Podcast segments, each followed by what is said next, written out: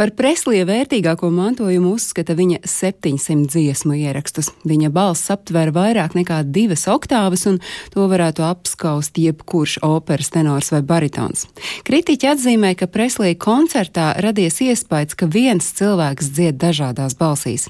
Kaut arī Elvis nesot pazinis notis, pēc daudzu mūziķu atzinuma viņam bijusi absolūtā dzirde un lieliska atmiņa.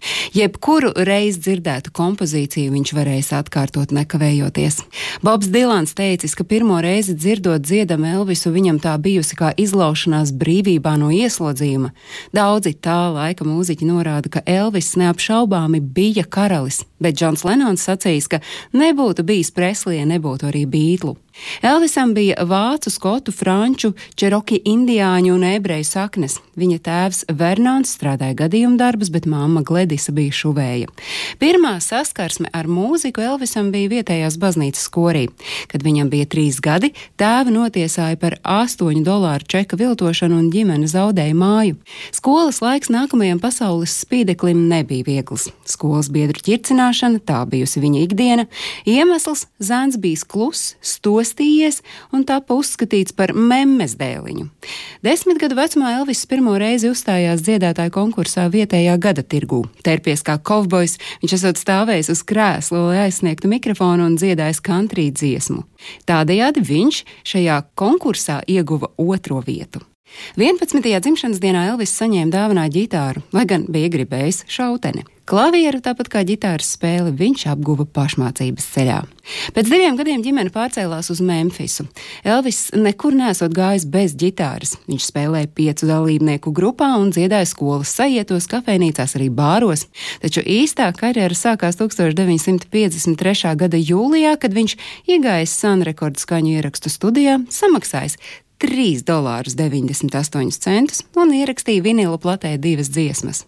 Plati viņš esot uzdāvinājis mammai dzimšanas dienā. Nākamā gada janvārī viņš ierakstīja vēl divas dziesmas, un studijas īpašnieks ar to bija izvilcis laimīgo lozi. Jo, kad Elvis pēc gada ar grupu pa jokam ierakstīja pāris dziesmu, ierakstu studijas īpašnieks patiesi varēja gavilēt, jo vien dažas dienas pēc dziesmu atskaņošanas radio firma saņēma vairāk nekā 6000 pasūtījumu. Un tad jau bija pienācis brīdis pirmajam Elvisa koncertam. Tas notika piekdienā, 1954. gada 30. jūlijā. Koncerta sākums bija 8. vakarā, kad 19 gadus vecajam Elvisam Preslijam bija paredzēts koncerts. Tiesa, vēl kopā ar citiem izpildītājiem viņš kāpa uz Overtonas orķestra skatuves. Lai saprastu, cik zināms tobrīd bija Elvis, vērts palūkot uz tā koncerta afišu, kur Elvisa vārds ir kļūdaini uzdrukāts. Koncerta reklāma vēsta, ka uz skatuves kāps Villijs Volkers un Ellis Elvis Preslijs, nevis Elvis. Lai nu kā skatuve ir un paliek skatuve, un kā pirmo dziesmu bija paredzēts izpildīt That's Alright Mama. Tā skaņa studijā bija ierakstīta vien 25 dienas pirms koncerta. Pirmā atskaņojuma radio tā bija piedzīvojusi vien 11 dienu pirms pirmā koncerta, proti 19. jūlijā. Well, that's all right, mama. That's all right for you.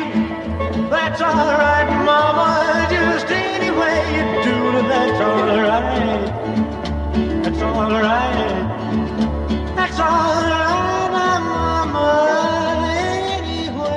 Dziesma, protams, tika izpildīta, bet Elvis uz skatuves kāpis ārprāta stresā, un rezultātā viņa kājas platajās biksēs nodevīgi tirinājušās un raustījušās. Viņš jau iepriekš skaņu ierakstu studijā bija atklājis, ka tā kāju tirināšana viņam ļauj tikt galā ar stresu. Un pirmajā koncertā tieši šī dīvainā kustība lika skatītājiem, nu precīzāk gados jaunām koncerta apmeklētājām no sajūsmas spiegt.